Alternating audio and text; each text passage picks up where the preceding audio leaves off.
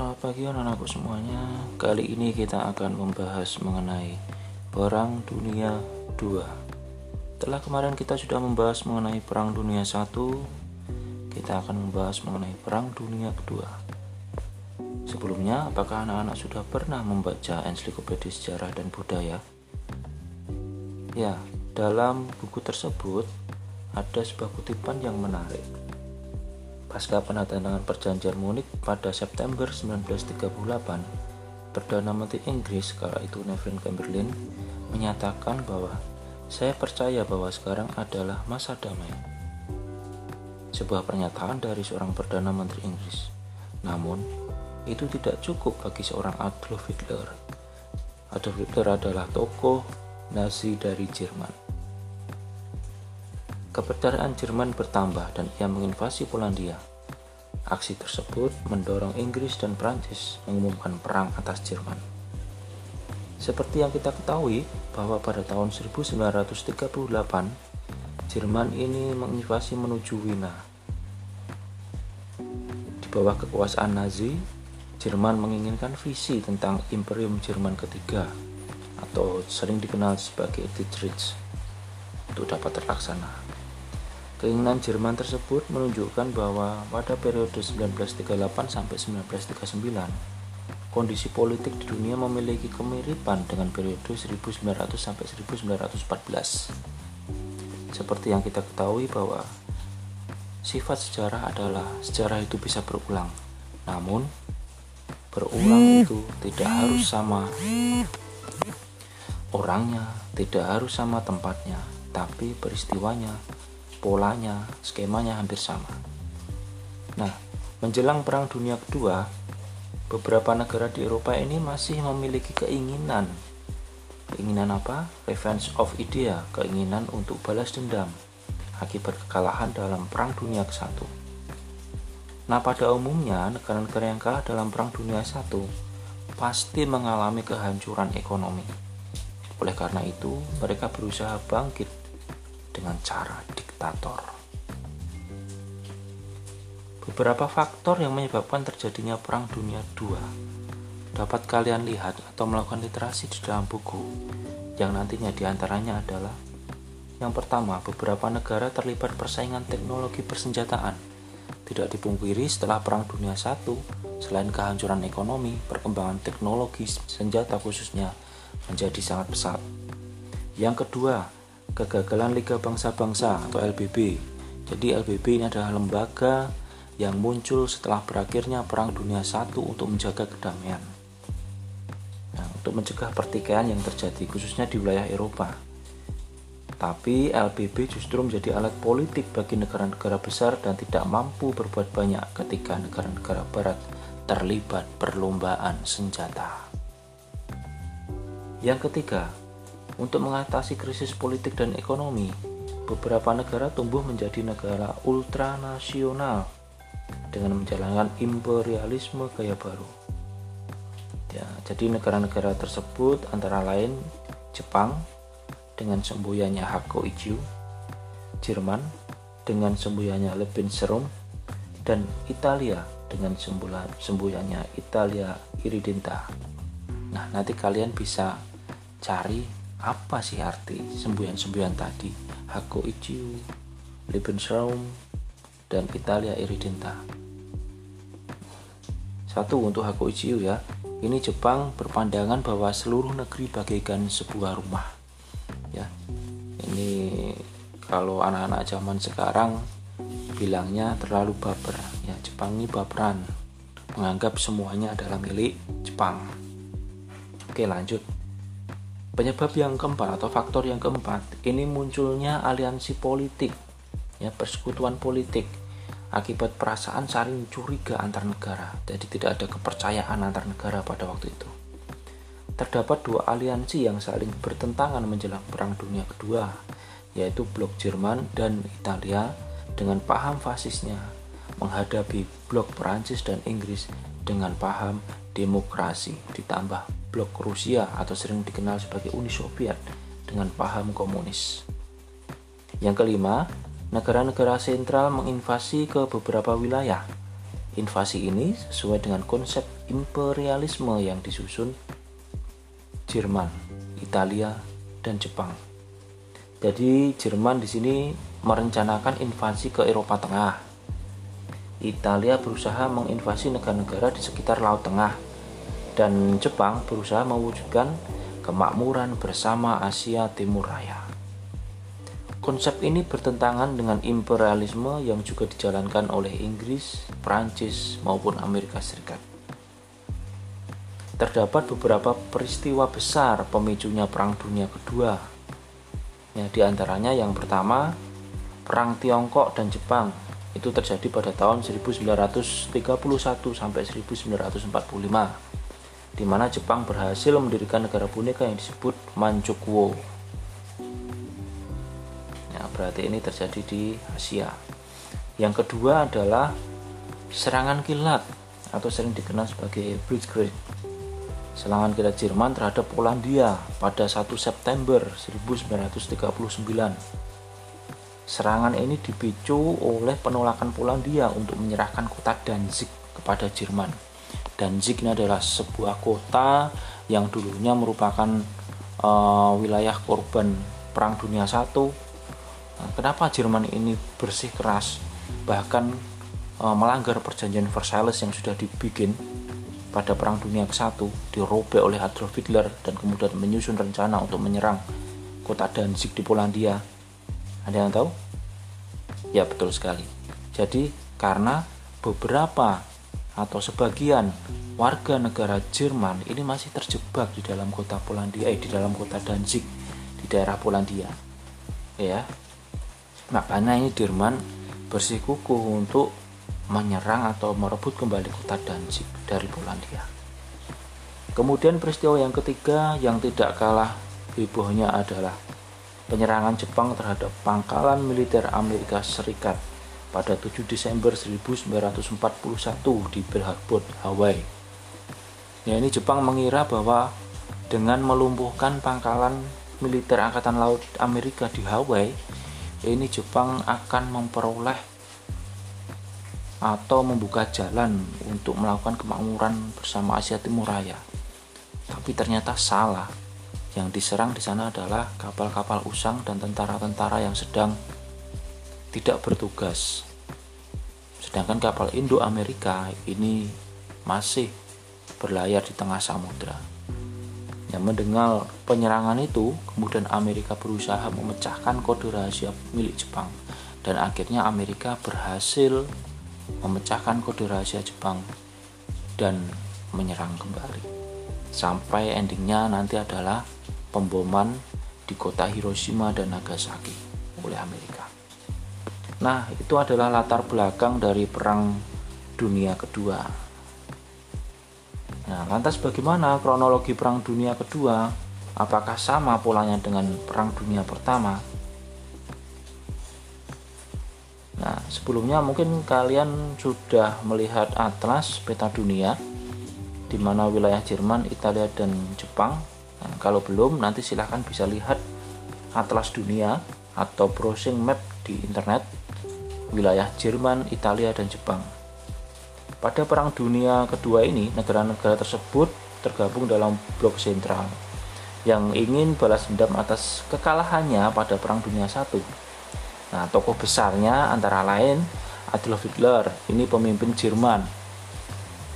Kemudian ada Benito Mussolini, pemimpin Italia, dan Kaisar Hirohito tentunya pemimpin dari Jepang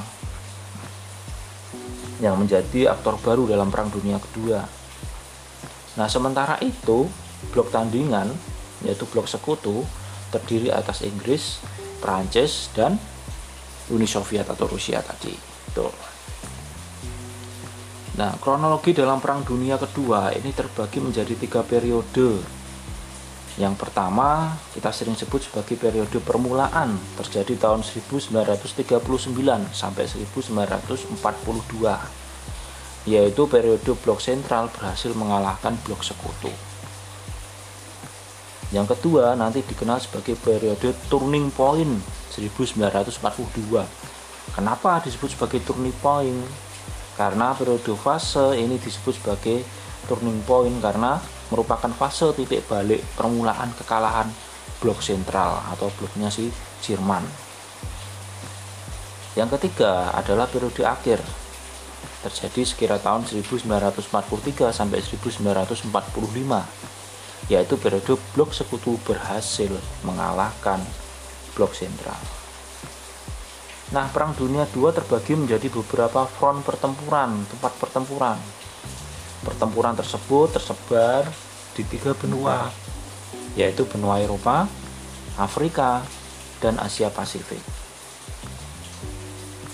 Bagaimana kronologi pertempuran di ketiga front tersebut? Oke, kita akan bahas pertama di front Eropa. Kalian pernah melihat film Dunkirk di apersepsi di bagian awal nanti coba kalian search di YouTube film Dunkirk pada apersepsi itu merupakan gambar situasi perang ya perang yang terjadi di wilayah Dunkirk Prancis melibatkan Jerman dan sekutu. Pada peperangan tersebut, pertempuran udara merupakan strategi utama yang diterapkan oleh kedua kubu. Jadi mengawali pertempuran ini pertempuran udara. Ya. Berbeda dengan perang dunia satu kemarin ya, yang didominasi oleh strategi perang parit. Kemudian pada 1938 blok sentral berusaha memperluas wilayahnya. Nah, sejak itu genderang Perang Dunia Kedua pun mulai. Setelah Jerman berhasil menginvasi wilayah Cekoslovakia, muncul aksi militer internasional yang menentang invasi tersebut. Ya. Untuk mengantisipasi ancaman aksi militer tersebut, di bawah pimpinan Adolf Hitler, Jerman menandatangani yang disebut sebagai Fakta Non-Agresi atau sering dikenal sebagai Fakta Molotov Ribbentrop bersama Uni Soviet. Nah, penandatanganan fakta ini dilakukan pada Agustus 1939 untuk mengetahui isi fakta Molotov-Ribbentrop. Nanti kalian bisa juga browsing uh, di internet ya mengenai fakta Molotov-Ribbentrop atau berada di buku paket sudah ada atau buku pendamping LKS yang sudah dibagikan atau scan kode QR yang ada di situ. Ya, intinya adalah fakta motor Ribbentrop ini berupa uh, fakta non agresi, kejahatan senjata, tidak ada penyerangan. Kemudian pada tahun 1939 terjadi lagi deklarasi perang yaitu antara Italia terhadap sekutu. Pada periode inilah Adolf Hitler berhasil menguasai sebagian besar wilayah Eropa. Kekuasaan Hitler ditunjukkan pada saat pasukan sekutu menuju Prancis pasukan tersebut ini dipaksa mundur ke wilayah Dunkirk dari Dunkirk ratusan ribu pasukan sekutu tadi dievakuasi kembali ke Inggris Nah, kondisi ini membuat Hitler semakin ingin berkuasa, merasa Hitler berada di atas angin. Nah, kemudian pada Juli 1940, ya ini angkatan udara Jerman atau sering dikenal sebagai Luftwaffe, memulai invasi ke Inggris. Invasi yang dilakukan Jerman ke Inggris ini menyulut terjadinya pertempuran Britania Pertempuran Britania ini berlangsung hingga 31 Oktober 1940. Nah, pada pertempuran ini Jerman gagal menguasai Inggris karena kekuatan Inggris semakin besar setelah mendapat bantuan militer dari Amerika Serikat. Serangan Jerman terhadap Inggris berlangsung hingga Mei 1941. Kemudian setelah gagal menduduki Inggris pada 22 Juni 1941, ini Jerman mulai mengarahkan serangannya ke Uni Soviet. Nah, serangan ini dilakukan karena Jerman ingin menguasai energi minyak bumi yang ada di Eropa Timur.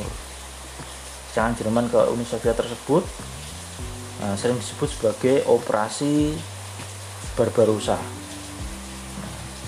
Ketika melakukan serangan ke Uni Soviet, Jerman mengerahkan sekira 3 juta pasukan pada waktu itu. Nah, serangan ini tidak mendapat perlawanan dari pasukan Uni Soviet karena Uni Soviet tidak memiliki pasukan dan persenjataan yang kuat kala itu. Nah, kemudian pada pertempuran di Uni Soviet, target utama Hitler ini adalah menguasai kota Leningrad dan Moskow sebelum akhir 1941. Targetnya itu. Nah, kemudian pada September 1941, pasukan Jerman telah berada kurang lebih 20 mil dari Moskow dan Leningrad.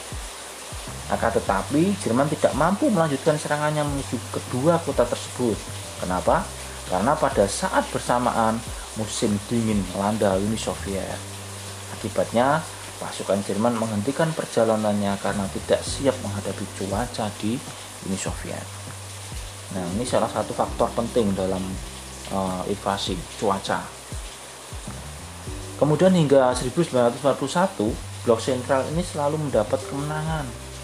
Pada periode ini, blok sekutu lebih sering bertahan, bahkan mengalami kekalahan akan tetapi saat memasuki 1942 keadaan mulai berbalik. Tepatnya pada November 1942, sekutu ini memenangi pertempuran di Al-Alamin, Mesir. Kemudian periode 1942 juga menjadi titik balik Jerman dalam Perang Dunia Kedua. Pasukan Jerman yang berada di kota Stalingrad dikepung oleh pasukan Uni Soviet. Akibatnya, pada Februari 1943, pasukan Jerman mengalami kekalahan. Kekalahan ini menjadi awal keterpurukan pasukan Jerman dalam Perang Dunia Kedua. Masih pada tahun 1943, tepatnya di bulan Juli, Inggris dan Amerika Serikat mendarat di pulau Sisilia, Italia. Nah, kedatangan pasukan sekutu di Italia menyebabkan jatuhnya pemerintahan Benito Mussolini dan memaksa Italia kalah dalam peperangan Italia dipaksa menyetujui gencatan senjata rahasia dengan pasukan sekutu pada 3 September 1943. Keterlibatan si Amerika Serikat ini dalam berbagai pertempuran menyebabkan Jerman semakin terdesak. Pada periode 1943, sekutu yang terdiri atas Inggris dan Amerika Serikat mulai menyerang Jerman. Angkatan Udara Inggris yang dibantu Amerika Serikat melancarkan serangan udara ke Jerman. Nah, serangan udara ini tidak hanya ditujukan pada pasukan militer, tapi juga menyasar warga sipil yang ada di Jerman. Hingga pada tahun 1944, Inggris telah membom lebih dari 100 kota di Jerman. Serangan tersebut mengakibatkan lebih dari 4 juta rumah hancur dan sekira 1 juta warga sipil menjadi korbannya. Kota-kota utama Jerman seperti Hamburg, Dresden itu ikut hancur juga secara total. Pada 6 Juni 1944, pasukan sekutu berhasil mendarat di pantai Normandia, Prancis. Nah, pendaratan ini disebut dengan istilah Decision Day, D-Day, ya. Memasuki 1945, pasukan sekutu dan Uni Soviet menyerang Jerman dari arah yang berbeda kombinasi ini arah berbeda. Kemudian pada 16 April 1945, pasukan Uni Soviet tiba terlebih dahulu di Berlin dan mulai menyerang kota tersebut. Seminggu kemudian, pasukan sekutu tiba di Berlin dan melakukan serangan. Kemudian 30 April 45, kota Berlin ini mendapat serangan sporadis dari pasukan sekutu dan Uni Soviet. Ya, serangan dari berbagai sudut. Serangan yang dilakukan bertubi-tubi ini menyebabkan Adolf Hitler tertekan ya, dan akhirnya di benteng pertahanannya eh, Adolf Hitler ini bunuh diri ya dengan menembakkan uh, senjata atau pistol ke kepalanya. Kemudian meminta untuk pasukan atau ajudan dari Adolf Hitler ini untuk membakar mayatnya supaya tidak dipermalukan. Seperti uh, rekannya Benito Mussolini. Ya Benito Mussolini ini saat mau melarikan diri kemudian ditangkap diadili ditembak kemudian jenazahnya ini diikat di kakinya digantungkan di sebuah pohon nah, kemudian diludahi oleh uh, warga yang ada di sekitar situ. Jadi untuk tidak agar tidak dipermalukan ini Adolf Hitler ini memilih untuk bunuh diri kemudian dibakar tubuhnya jenazahnya. Ya, bikin sate oke. Nah selanjutnya 7 Mei 45 akhirnya Jerman menyerah tanpa syarat kepada sekutu itu yang terjadi di front Eropa. Nah bagaimana yang terjadi di front Afrika dan di front Asia Pasifik? Nah ini nanti menjadi tugas dari anak-anak menjadi refleksi dari anak-anak sekalian untuk membuat infografis kronologi Perang Dunia Kedua yang terjadi di Afrika, eh, di front Afrika di, dan di front Asia Pasifik. Kemudian setelah jadi infografisnya, kalian dapat mempresentasikan dalam bentuk vlog cerita sejarah. Ya, dalam bentuk vlog cerita sejarah, aplikasinya bebas, durasinya minimal 3 sampai 10 menit lah sudah lama itu 10 menit kalau rata-rata teman kalian di kelas lain ini sudah banyak yang membuat ada yang 5 menit ada yang 7 menit ada yang 8 menit. Nah nanti setelah jadi bisa di upload di media sosial Instagram masuk di IGTV atau di YouTube. Nanti linknya kirimkan ke grup WhatsApp. Untuk batas waktunya ini sampai pertemuan berikutnya. Jadi kalian memiliki waktu dua minggu. Nah usahakan pembuatannya ini tetap di rumah. Bisa di lahan terbuka di lahan hijau yang ada di rumah. Yang ada tanaman-tanamannya lingkungannya yang bersih dan sebagainya. Jangan lupa sebutkan identitas diri kalian identitas mapel dan guru pengampu. Baiklah, kita cukupkan pertemuan untuk kali ini. Kita sambung pada pertemuan berikutnya saat kalian sudah mempresentasikan kronologi Perang Dunia Kedua di front Afrika dan front Asia Pasifik. Bagaimana sih berakhirnya Perang Dunia Kedua? Kita lanjutkan di pertemuan berikutnya. Semangat pagi, salam sejarah. Assalamualaikum warahmatullahi wabarakatuh.